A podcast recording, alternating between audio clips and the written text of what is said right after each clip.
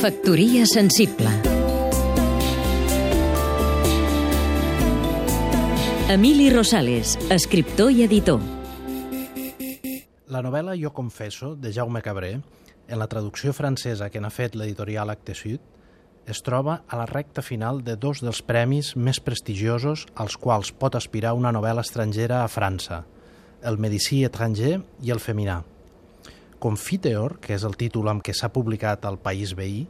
ha rebut tots els elogis de la crítica i porta unes quantes setmanes enfilada a les llistes dels llibres més venuts.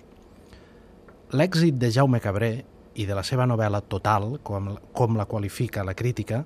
afortunadament no és un cas aïllat per a la literatura catalana. El mateix Cabré ha rebut aplaudiments a Alemanya, a Polònia o a Itàlia, tant amb aquest llibre com amb l'anterior Les veus del Pamano.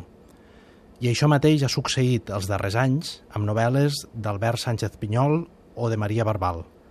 o amb clàssics que han estat objecte de grans rebudes, com Mercè Rodoreda o Josep Pla, o amb escriptors de llengua castellana que són ambaixadors de la marca Barcelona i el cas més paradigmàtic dels quals és Carlos Ruiz Zafón.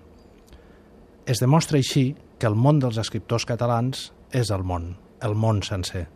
i que la demografia de la llengua de partida no és cap inconvenient si la proposta literària és convincent i funcionen els mecanismes editorials i institucionals.